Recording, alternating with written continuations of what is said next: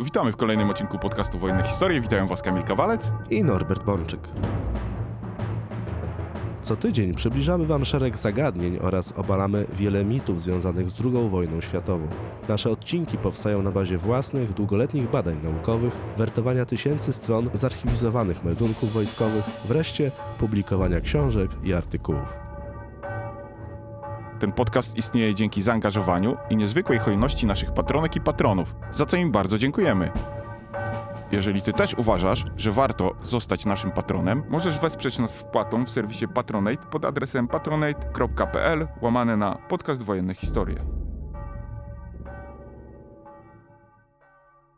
Norbert, kiedy mówimy o dużych bitwach II wojny światowej, od razu przychodzą nam na myśl, czy to bitwa na Łuku Kurskim, czy bitwa stalingradzka, albo ofensywa niemiecka w Ardenach. I faktycznie, przecież były to duże bitwy, biorąc pod uwagę zaangażowane siły. Ale jeżeli chodzi o obszar, na którym toczyły się te bitwy, to bledną one przy zasięgach zmagań na Pacyfiku, bo przecież tam każda operacja rozgrywała się na przestrzeni tysięcy kilometrów. I chyba najbardziej imponującą z nich była bitwa o Mariany, czy mógłbyś zatem opowiedzieć nam o tej bitwie? Tym bardziej, że była to o tyle istotna bitwa, że to tam Amerykanie ostatecznie złamali kręgosłup japońskiej potędze wojskowej. Istotnie. Kampania na Marianach, wielka bitwa lądowo-morsko-powietrzna, którą stoczono między czerwcem a sierpniem 1944 roku, była najważniejszą bitwą wojny na Pacyfiku, a jednocześnie rozegrała się na olbrzymim obszarze, dlatego że jednostki sił obu stron, które wchodziły do tej bitwy, czy raczej można powiedzieć operacji, przybywały czy angażowały się z bardzo odległych rejonów. No bo przy niewielkich wyspach mariańskich spotkały się i floty wojenne obu stron, ale Japończycy zaangażowali również lotnictwo bazowania lądowego, które ściągali w ten rejon aż z wysp macierzystych czy z Filipin.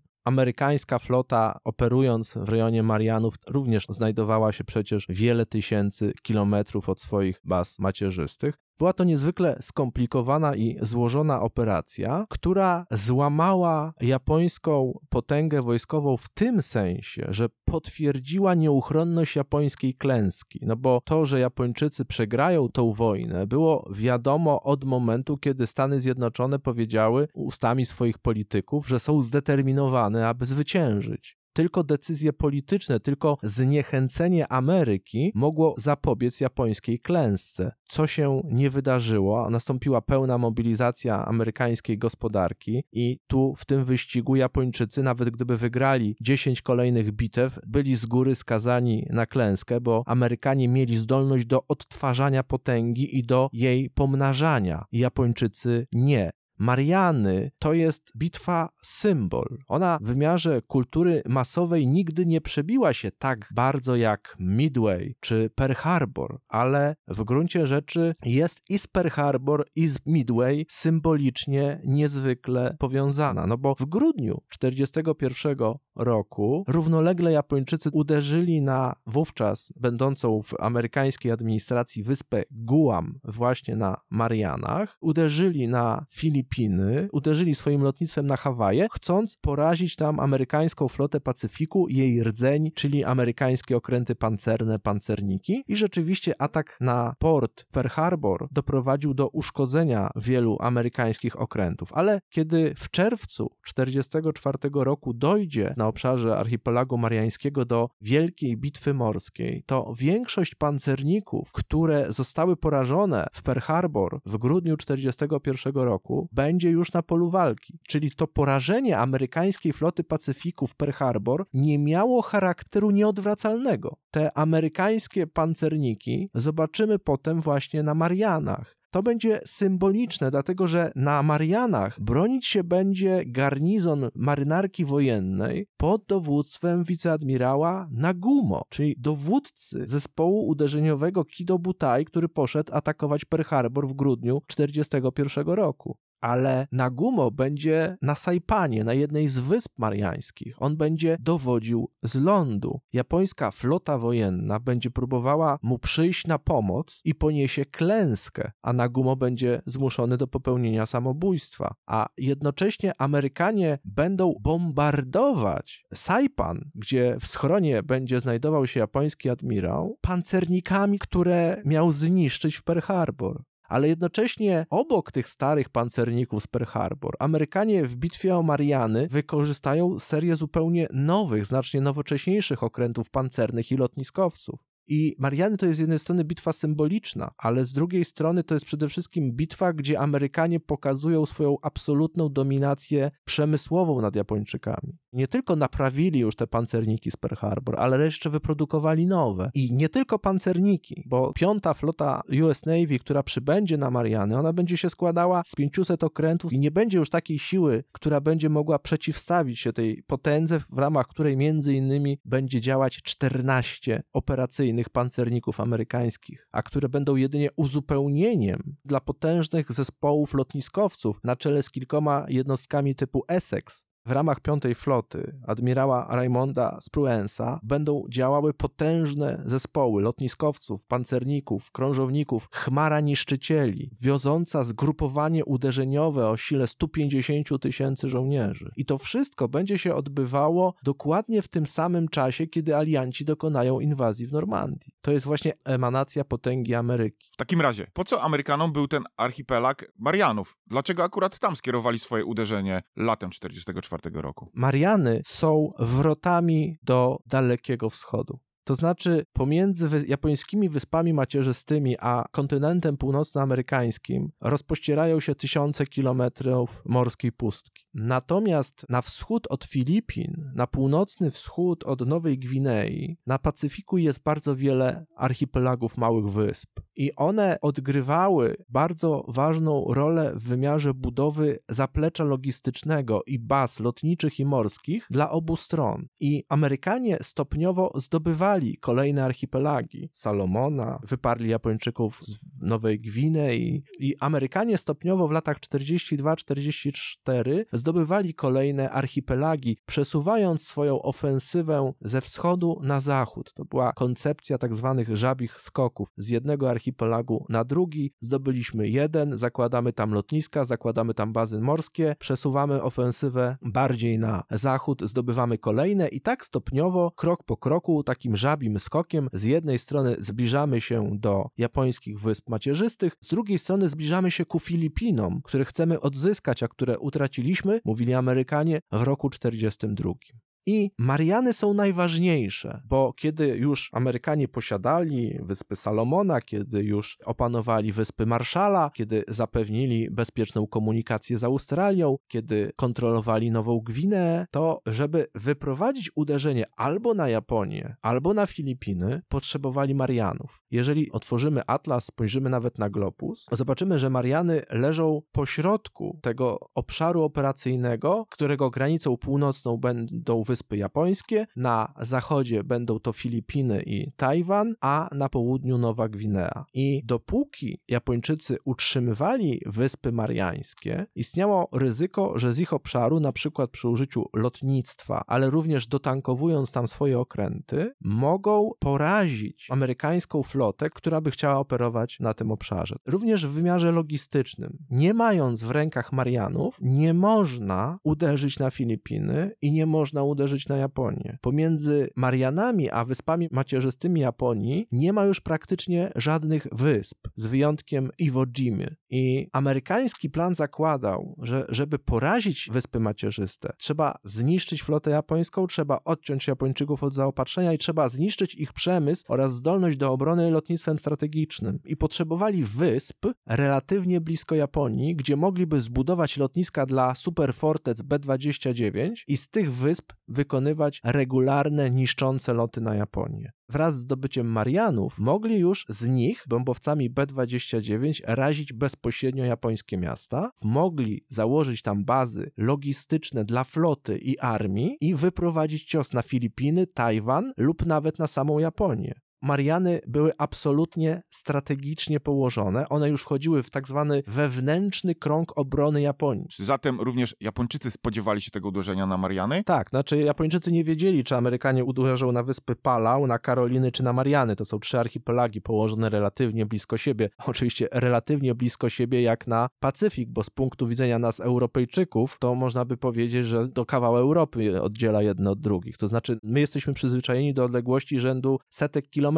Kiedy Hitler ruszył na Moskwę, to miał do Moskwy te powiedzmy 960 kilometrów. Dla nas 960 kilometrów w wojnie w Europie to jest ogrom. Mariany dla przykładu leżą 2600 kilometrów od japońskich wysp macierzystych, czyli prawie trzy razy dalej niż na przykład granica ówczesnej generalnej guberni od Moskwy ale dla amerykańskich planistów, którzy operowali flotą i lotnictwem, to to już jest odległość operacyjna, a nie strategiczna. I oczywiście Japończycy spodziewali się tego ataku. Po klęskach, po utracie archipelagów na wschód i na południe od Marianów, wiedzieli, że teraz albo Karoliny, albo Palau, albo Mariany zostaną zaatakowane. I obie strony zdawały sobie sprawę z tego, że to będzie decydująca bitwa. Tylko, że obie strony latem 1944 roku dysponowały już absolutnie nieporównywalnym potencjałem bojowym. Nagumo uszkodził pancerniki Pearl Harbor, ale Amerykanie odbudowali je, zbudowali nowe i mieli przewagę. Mieli nowe lotniskowce typu Essex, a Japończycy w latach 42-44 budowali lotniskowce metodą improwizowaną, przerabiając okręty do transportu wodnosamolotów, czy budując lotniskowce na bazie wielkich statków pasażerskich. Zaledwie jeden nowoczesny, od podstaw zaprojektowany w tym celu lotniskowiec floty, Taiho, wszedł do służby w tym okresie po stronie japońskiej. Słowem, amerykańska potęga przyrastała, japońska potęga chyliła się ku upadkowi już przed bitwą o Mariany. I Mariany nie były bitwą przełomową w tym sensie, że one zmieniły losy wojny, ale one wszystkim pokazały, że Japonia jest właściwie już skończona, a Stany Zjednoczone są supermocarstwem zdolnym do projekcji siły na dwóch korańcach globu jednocześnie. Bo bitwa o Mariany to jest wyjście amerykańskiej piątej floty do działania 6 czerwca 1944 roku, czyli dokładnie tego samego dnia, kiedy w Europie rozpoczyna się lądowanie w Normandii, kiedy jest D-Day. I w operacji na Marianach bierze udział na przykład 14 amerykańskich pancerników. Wsparcie w Normandii zapewniają 3. Licząc okręty desantowe, jednostki zabezpieczenia, to operacja D-Day jest nieco większa, nieco, ale uświadommy sobie, jednocześnie w tym samym czasie, w czerwcu 1944 roku, na dwóch odległych krańcach Ziemi, alianci przeprowadzają dwie gigantyczne operacje desantowe, w których bierze udział w obu przypadkach z osobna po ponad 500 jednostek. A czym próbowali obronić Mariany Japończycy? Jaki mieli potencjał, żeby choćby postarać się obronić te wyspy? Wojska, które broniły tych wysp, były wielokrotnie mniejsze niż siły, które je zaatakowały. Mariany to archipelag, gdzie mamy dwie duże wyspy: Saipan i Guam, niedaleko Saipanu mniejszy Tinian oraz szereg mniejszych, już pozbawionych znaczenia wysp. Na tychże wyspach znajdował się japoński garnizon, liczący około 70 tysięcy żołnierzy. Mówimy o wszystkich tych wyspach, bo Japończycy ufortyfikowali Guam, Saipan, Tinian i jeszcze wyspę Rota. I mieli plan, że kiedy przeciwnik uderzy na garnizon wysp, to wówczas japońska flota wojenna przybędzie na pomoc, stoczy z Amerykanami decydującą bitwę, w wyniku czego amerykański plan inwazji spali na panewce. I Japończycy mieli taką koncepcję, że najpierw silnie nasycić Mariany, ale nie tylko Mariany, bo też przygotować Iwo Jimę, Filipiny, przygotować bazy w Karolinach, nasycić to wszystko dużą ilością lotnictwa, marynarki, bazowania lądowego, czyli sprowadzić ponad tysiąc samolotów, stworzyć silną flotę powietrzną, która będzie czekała na nieprzyjaciela i wykorzystując wyspy jako niezatapialne lotniskowce, będzie miała przewagę nad Amerykanami, którzy to wszystko muszą przecież przywieźć na okrętach. Czyli jeżeli nawet zakładali Japończycy, amerykańska projekcja siły z lotniskowców wynosi na przykład 1200 samolotów, bo amerykańska piąta flota z Pruensa miała mniej więcej taki potencjał, to oni zakładali, że oni wystawią własną flotę, gdzie będzie na przykład 400 samolotów z lotniskowców, ale one będą uzupełnione tysiącem maszyn na wyspach, w związku z czym przewaga liczebna będzie po japońskiej stronie. I japońskie lotnictwo torpedowe, bombowe zniszczy część amerykańskiej floty inwazyjnej, przede wszystkim zniszczy zespoły lotniskowców, pancerników, niszczycieli. W ten sposób Japonia odniesie zwycięstwo. No Japończycy liczyli na sieciowość lotnisk na wyspach. Liczyli na to, że Iwo Jima, Filipiny, Karoliny, Mariany zadziałają w układzie połączonym, że japońskie lotnictwo bazujące na wszystkich tych wyspach będzie falami niszczyć skoncentrowaną w jednym tylko miejscu amerykańską flotę. Tylko problem polegał na tym, że Japonia była gospodarczo znacznie słabsza od Stanów Zjednoczonych i japoński potencjał nie przyrastał tak jak amerykański. Rok 43, pierwsze miesiące roku 44 to była katastrofa, to były gigantyczne straty. Japończycy już pod koniec 42 roku właściwie wycofali część swojej floty nawodnej, ciężkiej, z działań bojowych, szykując się na ten rok 44. Czekali, aż odtworzą potencjał lotnictwa pokładowego, ale był problem z paliwem, był problem z tym, że te okręty wchodziły do służby wolniej niż oczekiwano i to były niepełnowartościowe okręty wojenne, tylko jak powiedziałem, przerabiane statki pasażerskie czy okręty wojenne innych klas. Mówię tu o przerabianiu na lotniskowce. I ten japoński potencjał przyrastał zbyt wolno. Ta koncepcja, by tak zwaną pierwszą flotę powietrzną, bo to pierwsza flota powietrzna bazowania lądowego na tych wyspach miała zmierzyć się z Amerykanami, plan zakładał, że pierwsza flota powietrzna, jeszcze uzupełniana z Palau, z bardzo ważnej bazy w Truk, 14 flotą powietrzną, że to będą siły liczące ponad tysiąc samolotów. Ale Japończycy zbyt późno zaczęli wzmacniać garnizony lotnictwem. W lutym, w marcu 1944 roku, wykorzystując na przykład Iwo Jimę jako miejsce międzylądowania między Japonią a Marianami. I do czerwca 1944 roku, jeżeli tak spojrzymy na te wszystkie japońskie lotniska, na Marianach, na Palau, na Jap, na Truk, nawet na Filipinach, to całość japońskiego lotnictwa tam zgromadzonego to było jakieś 600-700 samolotów. Na samych Marianach zostało około 200. Czyli ani pierwsza flota powietrzna, ani 14 flota powietrzna japońska, mówimy o flotach lotniczych marynarki, nie były gotowe tak, jak sobie to japońscy planiści wyobrażali. A czy sama marynarka wojenna była gotowa do tej decydującej bitwy, do której, jak mówiłeś, szykowała się od 1943 roku? Japończycy mieli plan AGO, plan, gdzie by flotą ruchomą przyjść na pomoc Marianom i w połączone siły japońskiej floty plus lotnictwo floty bazowania lądowego miały właśnie stoczyć tą decydującą, zwycięską bitwę z Amerykanami. Ta flota ruchoma, ona się odtwarzała, dowodził nią wiceadmirał Ozawa, miał do swojej dyspozycji teoretycznie najsilniejszy zespół japońskich lotniskowców, jaki kiedykolwiek istniał, bo to było aż dziewięć jednostek. Byli weterani, czyli lotniskowce Shokaku i Zuikaku, jeszcze spod Pearl Harbor. Był wprowadzony do służby w marcu 1944 jedyny nowy lotniskowiec floty Taiho. No i były, tak jak powiedziałem, te przeróbki, czyli albo lotniskowce lekkie, albo jednostki przebudowane, czyli na przykład Choyoda, Chitose, Zaiho, Hyo, Junio i Ryuo. Na ich pokładzie bazowało 435 samolotów. Czyli nie była to mała siła. Razem z tymi, jak powiedziałem, około 600 samolotami bazowania lądowego, Japończycy mieli łącznie 1000 samolotów. Ale japońskie lotnictwo nie było skoncentrowane. Amerykanie mogli przywieźć 1200 maszyn na pokładzie swoich lotniskowców. Mogli je zagęścić w jednym miejscu na raz. Japończycy musieli by do efektywnego wykorzystania swojego tysiąca samolotów bardzo sprawnie skoordynować w czasie i przestrzeni działania z takich obszarów jak Filipiny, jak Karoliny, jak Mariany, jak nawet Iwo Jima.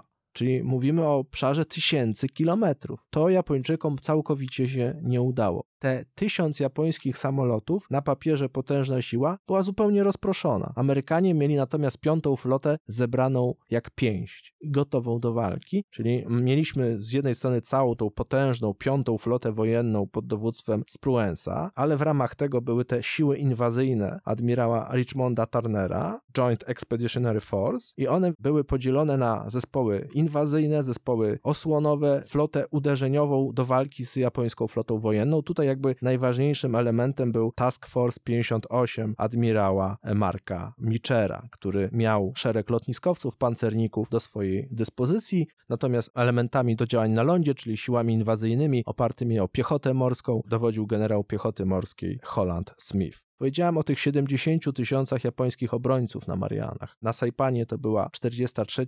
Dywizja Piechoty, Guam to były pułki z 29. Dywizji Piechoty, na Tinianie jeden pułk 29. Dywizji Piechoty to były wojska armii, do tego dochodziły jeszcze garnizon marynarki, w przypadku Saipanu jeszcze 47. Brygada Mieszana. Na tych wyspach były rozmieszczone również czołgi 9. Pułku Pancernego, z czego najwięcej, około 50 czołgów było na Saipanie. Artyleria nadbrzeżna, ale raczej słabszej mocy w porównaniu do potęgi amerykańskiej floty. Mówimy tu o kalibrach 120, 140, 152 mm. No i dodatkowo Amerykanie dokonali już wcześniej izolacji pola walki, to znaczy kiedy na początku 1944 roku 43. Dywizję Piechoty wieziono na Saipan, mówię o Japończykach, to amerykańskie okręty podwodne potrafiły masakrować konwoje. Dość powiedzieć, że na transportowcach zginęło kilka tysięcy żołnierzy japońskich, zanim w ogóle te dywizje dotarły na Saipan czy Guam. Czy mówimy tutaj o żołnierzach, którzy mieli stworzyć dopiero garnizon Marianów? Tak, dokładnie, bo na początku 1944 roku Japończycy dopiero zaczęli wzmacniać Mariany i na przykład 29 lutego 1944 roku, jak Amerykanie storpedowali statek transportowy Sakitomaru, to tam wówczas zginęło 2300 japońskich żołnierzy w jednym momencie. Musimy sobie uświadomić, że na lądzie zabicie tylu ludzi trwa tygodniami. Okręt podwodny może zabić tylu żołnierzy w tak krótkim czasie, jak trwa storpedowanie i zatonięcie transportowca. Japończycy z 43. Dywizji Piechoty, z 29. Dywizji Piechoty, czy z dwóch w sumie brygad mieszanych, ponieśli bardzo duże straty, zanim jeszcze zaczęła się bitwa. I wiceadmirał Nagumo był w sytuacji beznadziejnej. Wiedział, że albo zespół floty, czyli albo wiceadmirał Ozawa z lotniskowcami i pancernikami, albo wygra i przyjdzie mu z pomocą, albo zginie, bo on jako dowódca japoński na obszarze był uwiązany na wyspie. On już niewiele mógł zrobić. Wreszcie w czerwcu 1944 roku wyruszyła przeciwko Marianom potężna, gigantyczna flota wiceadmirała Spruensa w ramach operacji o kryptonimie Forager. A jak gigantyczna była to flota, bo rozumiem, że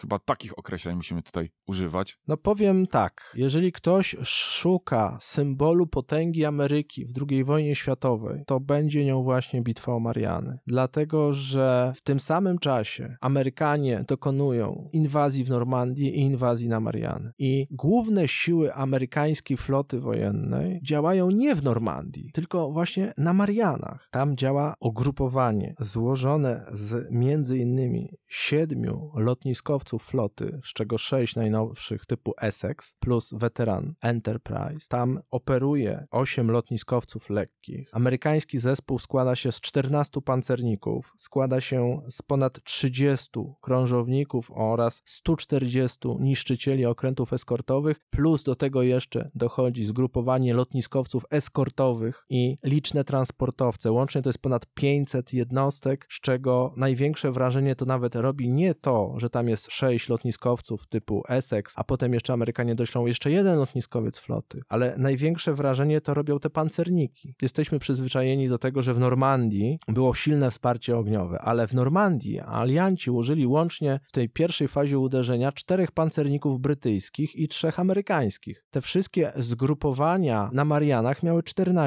pancerników. Oczywiście one nie walczyły wszystkie jednocześnie, one były podzielone na zespół pancerników szybkich, czyli okrętów nowych, zbudowanych i wprowadzonych do służby między 40 a 44 rokiem, 43 nawet, oraz pancerników starszych, weteranów właśnie jeszcze z Pearl Harbor. Dość powiedzieć, że najstarszy z nich, czyli pancernik New Mexico, to wszedł do służby jeszcze w roku 1918, ale to nie zmienia faktu, że to było 14 pancerników na Marianach i do wsparcia artyleryjskiego na określonej wyspie nie angażowano więcej niż 3-4 okrętów naraz, dlatego że one rotowały w ramach operacji, ale nie zmienia to faktu, że to był potężne zgrupowanie. 1200 samolotów bazowania na lotniskowcach, 500 różnego rodzaju okrętów w ramach kilku task force i task group to były siły wsparcia, które wiozły amerykański zespół inwazyjny o sile około 130 tysięcy żołnierzy, bo to były i druga dywizja Marines, i trzecia dywizja Marines, i czwarta dywizja Marines, pierwsza kombinowana brygada Marines, plus jeszcze 27 dywizja piechoty US Army, a potem jeszcze 77 dywizja piechoty US Army.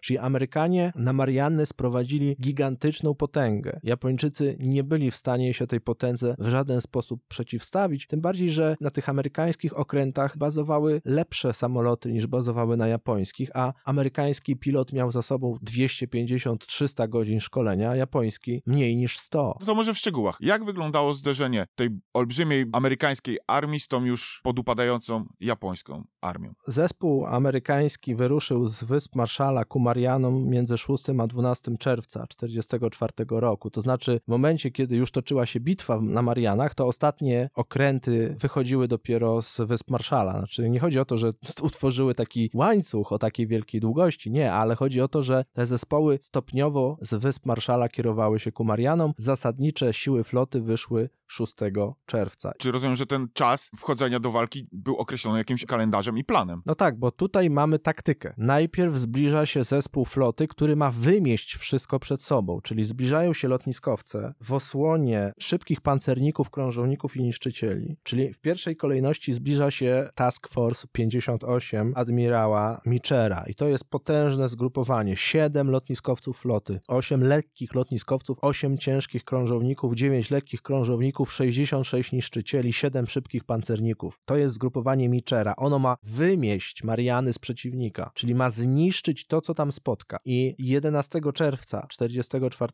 roku Micher wysyła samoloty, ponad 200 myśliwców. One mają zaatakować lotniska, porazić japońskie lotnictwo na Saipanie, na Guam, na Rota, na Tinian. I Japończycy podejmują wyzwanie na ponad 200 Hellcatów. Do walki z nimi staje ponad 140 japońskich samolotów. I efekt jest taki, że Japończycy ponoszą gigantyczne straty. Amerykanie meldują, że zniszczyli w powietrzu 76 japońskich samolotów, a na ziemi kolejne 36. 112 maszyn nieprzyjaciela zostało zniszczonych w ten czy w inny sposób za cenę własnych 11 samolotów i 6 pilotów. I już 11 czerwca w walce z lotnictwem japońskim floty bazowania lądowego, czyli tymi samolotami, które wystartowały z Saipanu, Guam, Roty, Tinianu, no okazało się, że Japończycy nie mają szans, że przewaga techniczna wyszkolenia, taktyki Amerykanów na myśliwcach Hellcat jest olbrzymia, że Japończycy walczą dzielnie, walczą bohatersko, ale nie osiągają niczego. I 11 czerwca amerykański zespół przedni wymiata japońskie lotnictwo z Marianów i dopiero kiedy Mariany są już porażone, to Japończycy alarmowo zaczynają przez Karoliny czy przez Iwo Jimę ściągać nowe samoloty. Bitwa o Mariany jest nietypowa, bo Japończycy przez cały okres tej walki będą atakować Amerykanów samolotami bazowania lądowego. Większość japońskich samolotów, która weźmie udział w bitwie o Mariany, to będą samoloty bazowania lądowego. I mało tego, kiedy zespół japońskich lotniskowców, wiceadmirała Ozawy, będzie brał udział w walce, to piloci będą wiedzieć, że albo wracają na lotniskowce, albo lądują na wyspach. Innymi słowy, część japońskich samolotów, które startowała z lotniskowców z zachodu, mogła zaatakować flotę nieprzyjaciela, a potem nie wracać na własne lotniskowce, tylko polecieć dalej na wschód i wylądować na Tinian czy na Guam. To była nietypowość i pewna specyfika tej bitwy. Amerykańska flota izolowała wyspy od japońskiego zespołu, który szedł im w odsiecz. Ale 11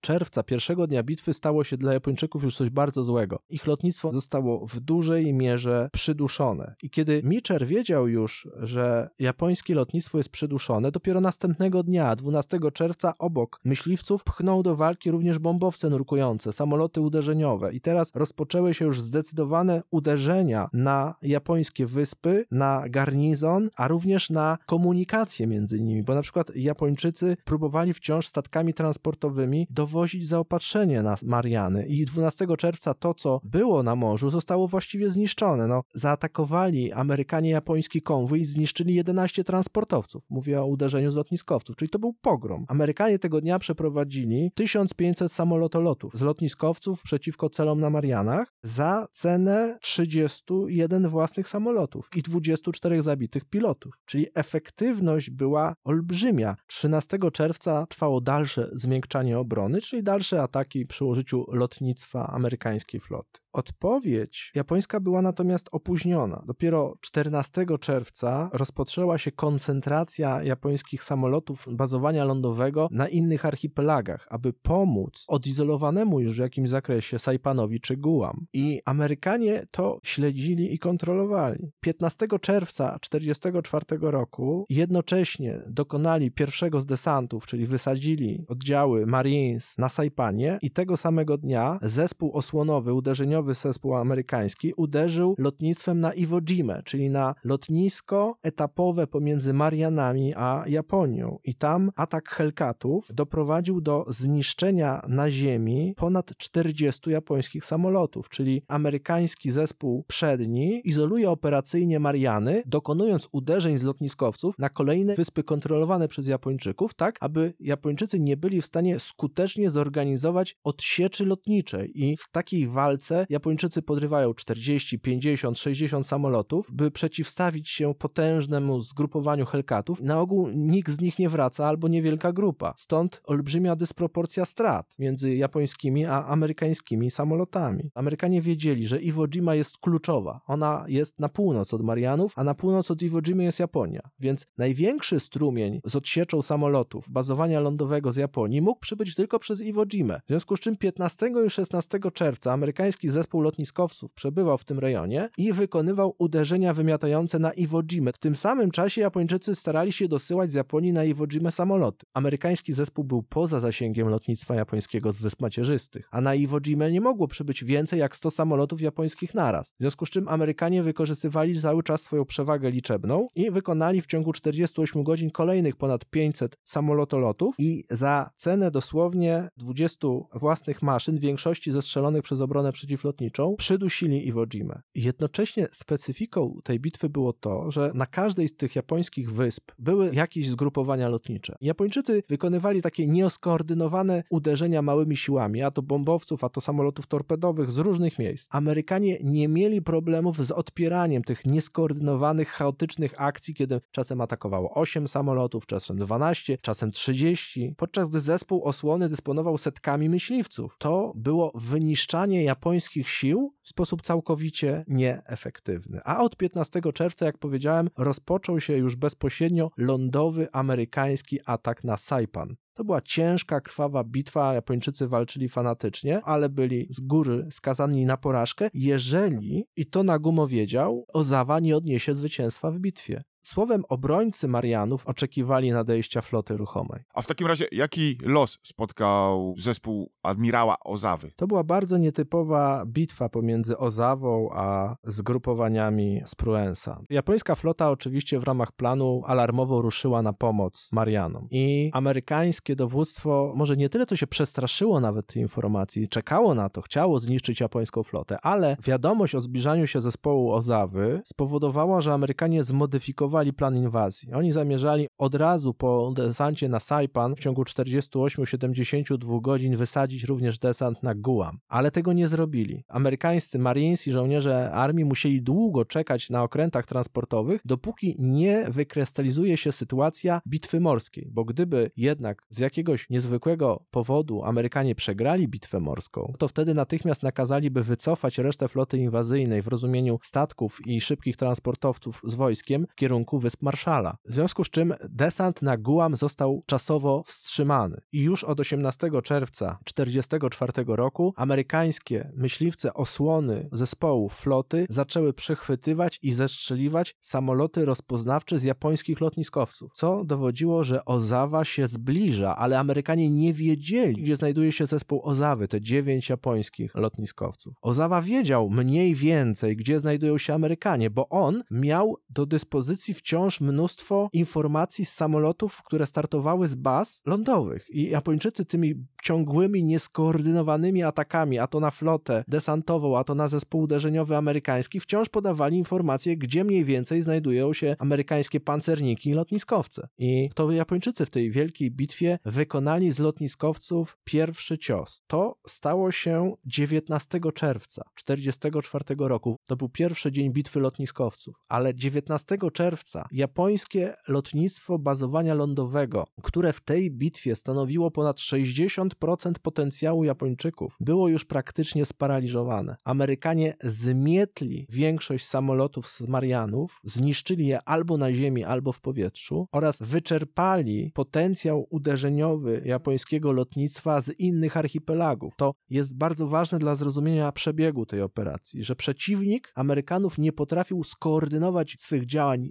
Amerykanie bili go częściami. I 19 czerwca japońskie lotniskowce wypuściły łącznie cztery fale uderzeniowe. Każda taka fala liczyła czasem kilkadziesiąt, czasem niewiele ponad 100 samolotów. Czyli Japończycy nie przypuścili jednego wielkiego, potężnego ataku samolotami z lotniskowców, nie wiem, o sile 300 czy 400 samolotów. Największe zgrupowanie, druga fala uderzeniowa, to było 109 samolotów ze 130, które wystartowały. I te ataki japońskiego lotnictwa pokładowego 19 czerwca, czasem jeszcze wspomagane na przykład atakami lotnictwa lądowego, odbiły się od ściany. Znaczy Amerykanie tego dnia stracili 40 samolotów, z czego 24 myśliwce i mieli 27 zabitych pilotów. Natomiast Japończycy stracili blisko 300 samolotów to było 10 do 1. I ten pogrom japońskiego lotnictwa pokładowego nazwano później mariańskim odstrzałem indyków, bo to było tak proste. Rekordzista amerykański miał 7 zestrzeleń pewnych w jednym locie bojowym. I część z tych samolotów japońskich, która przetrwała tą walkę, bo tutaj taka dygresja. Japończycy podają niższe szacunki tych strat z 19 czerwca, tego japońskiego pogromu. Japończycy mówią, że część samolotów nie została zestrzelona tego dnia, tylko wylądowała na Guam czy na Tinian i potem została tam porzucona lub zniszczona w wyniku ataków lotnictwa przeciwnika, ale nad samoloty stojące na lotniskach. W związku z tym, że tak wielkich strat w powietrzu nie było. Tak czy inaczej, siła uderzeniowa zespołu admirała Ozawy została drastycznie zredukowana. I tego 19 czerwca dla Japończyków stało się coś podwójnie złego, bo nie tylko amerykańskie lotnictwo pokładowe zmasakrowało japońskie lotnictwo pokładowe, ale również amerykańskie okręty podwodne wykryły zespół Ozawy i uderzyły na niego. Już o 8 rano, czyli w tym samym czasie, kiedy dopiero co Japończycy wysyłali samoloty do ataku, amerykański okręt podwodny zaatakował lotniskowiec Taiho, ten najnowszy japoński lotniskowiec floty. I ten Taiho w swoim pierwszym pierwszym realnym rejsie bojowym. Został storpedowany i po paru godzinach w wyniku złej akcji ratunkowej zatonął. Parę godzin później weteran spod Pearl Harbor, Shokaku, dostał swoje torpedy i po paru godzinach również zatonął. Na tych dwóch okrętach zginęło prawie 2000 japońskich marynarzy i nagle Ozawa stracił dwa z trzech najważniejszych lotniskowców. I potencjał japoński zredukował się do siedmiu okrętów, a Amerykanie nawet nie kontratakowali własnym lotnictwem. Po prostu Japończykom nie wychodziło w tej operacji nic. Amerykanie nadal nie wiedzieli, gdzie oni są, mimo że amerykańskie okręty podwodne przekazały informacje o mniej więcej opozycji zespołu japońskiego. On się oczywiście przemieszczał. I Amerykanie w tej bitwie zachowywali się nietypowo. Oni mieli problem z wyprowadzeniem przeciwuderzenia. 19 czerwca nie było przeciwuderzenia amerykańskich lotniskowców. Amerykanie dopiero w godzinach południowych 20 czerwca zauważyli, że zespół Ozawy odchodzi. Wykryli go w godzinach południowych, a byli gotowi do przeciwuderzenia dopiero w późnych godzinach popołudniowych. 20 czerwca. A czy te straty w samolotach 19 czerwca nie sprawiły, że japoński zespół stał się bardzo wrażliwy na uderzenie amerykańskich samolotów? Tak, oczywiście. On był już bardzo wrażliwy na uderzenie amerykańskich samolotów, bo po pierwsze stracił większość własnych grup lotniczych. Oczywiście na pokładzie japońskich lotniskowców wciąż jeszcze znajdowało się relatywnie dużo samolotów, w tym myśliwców osłonowych, ale jednak po utracie dwóch lotniskowców potencjał był bardzo zredukowany. I Japończycy 20 czerwca na rozkaz z góry, bo za Nie chciał się cofać. On chciał bitwy, nawet bitwy nocnej, bitwy artyleryjskiej, ale no przyszły rozkazy z Tokio, żeby jednak odpuścić. Że no atak na tak potężną flotę przeciwnika, która ma we wszystkich zespołach uderzeniowych 14 pancerników i 30 lekkich i ciężkich krążowników, Japończycy nie mieli startu. W związku z czym zawrócili. Amerykanie późno wykryli odwrót przeciwnika, późno go zlokalizowali 20 czerwca i dopiero o 16.30 po południu 20 czerwca Amerykanie wysłali swoje samoloty pokładowe do kontrataku, do uderzenia na japońskie lotniskowce. I Amerykanie wykryli odchodzący zespół Ozawy późno, nie tylko jeśli chodzi o godzinę, ale również ze względu na odległość. To znaczy, piąta flota wysyłała pościg lotniczy na granicy zasięgu własnego lotnictwa pokładowego późnym popołudniem i na bardzo dużą odległość. I doszło do bardzo nietypowej sytuacji. Amerykanie poderwali w paru falach około 250 własnych maszyn. One odnalazły odchodzącą japońską flotę, która też składała się przecież z zespołu zaopatrzeniowego, zespołów uderzeniowych i w wyniku ataków udało się zatopić jeszcze lotniskowiec Hio, przebudowany ze statku pasażerskiego oraz uszkodzić lotniskowiec floty Zuikaku. Zatopiono również dwa tankowce. Uszkodzono kilka innych okrętów. Ale jak na amerykańskie oczekiwania to było mało. I potem musieli wrócić, mówię o załogach samolotów, one musiały wrócić na własne lotniskowce i wracały już w warunkach zmierzchu i nocnych oraz na granicy zasięgu, w wyniku czego w wielu samolotach skończyło się paliwo i wodowały w rejonach swojej floty. Aż 100 amerykańskich samolotów nie wróciło z tej operacji. Straty były, jeśli chodzi o samoloty, gigantyczne, ale nie z powodu walki, tylko z powodu wyczerpania się paliwa i niemożliwości możliwości odnalezienia własnych okrętów. Łącznie z tego powodu rozbiły się lub wodowały 82 amerykańskie samoloty pokładowe, podczas gdy w walce Amerykanie stracili tylko 17 maszyn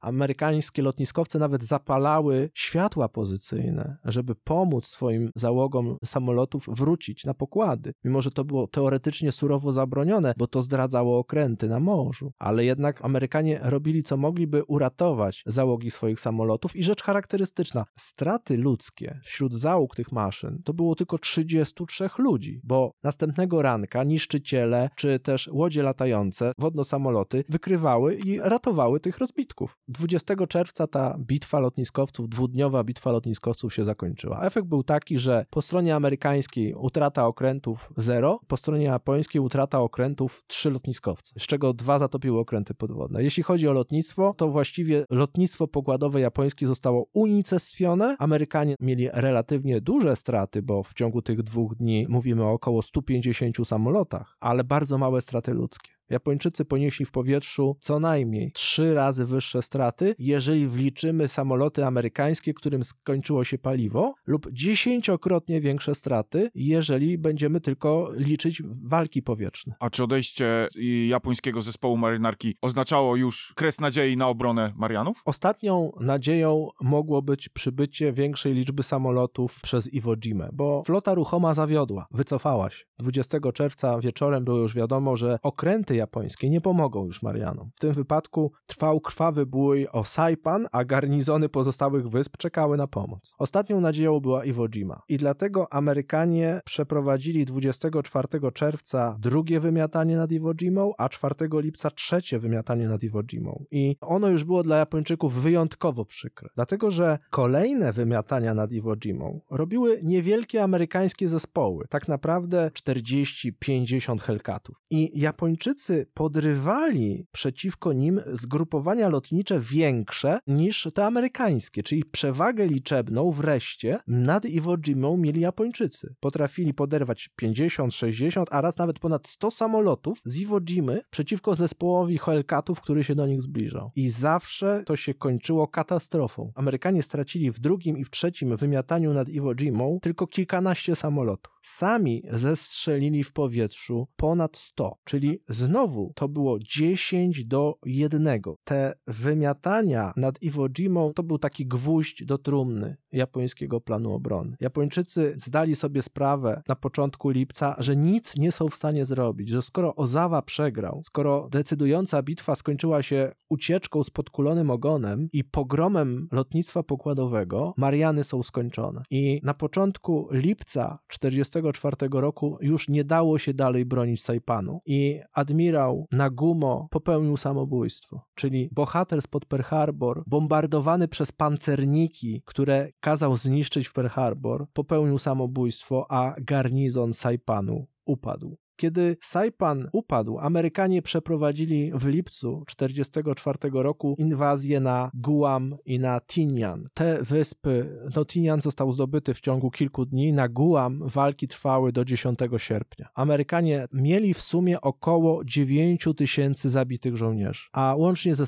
rannymi amerykańskie straty na Marianach to jest około 25 tysięcy ludzi. Natomiast japoński garnizon Marianów, liczący około 70 tysięcy żołnierzy, zginął prawie w całości. Szacuje się, że ponad 65 tysięcy japońskich żołnierzy broniących Marianów zginęło między czerwcem a sierpniem 1944 roku. I to była zupełna i całkowita klęska Japonii.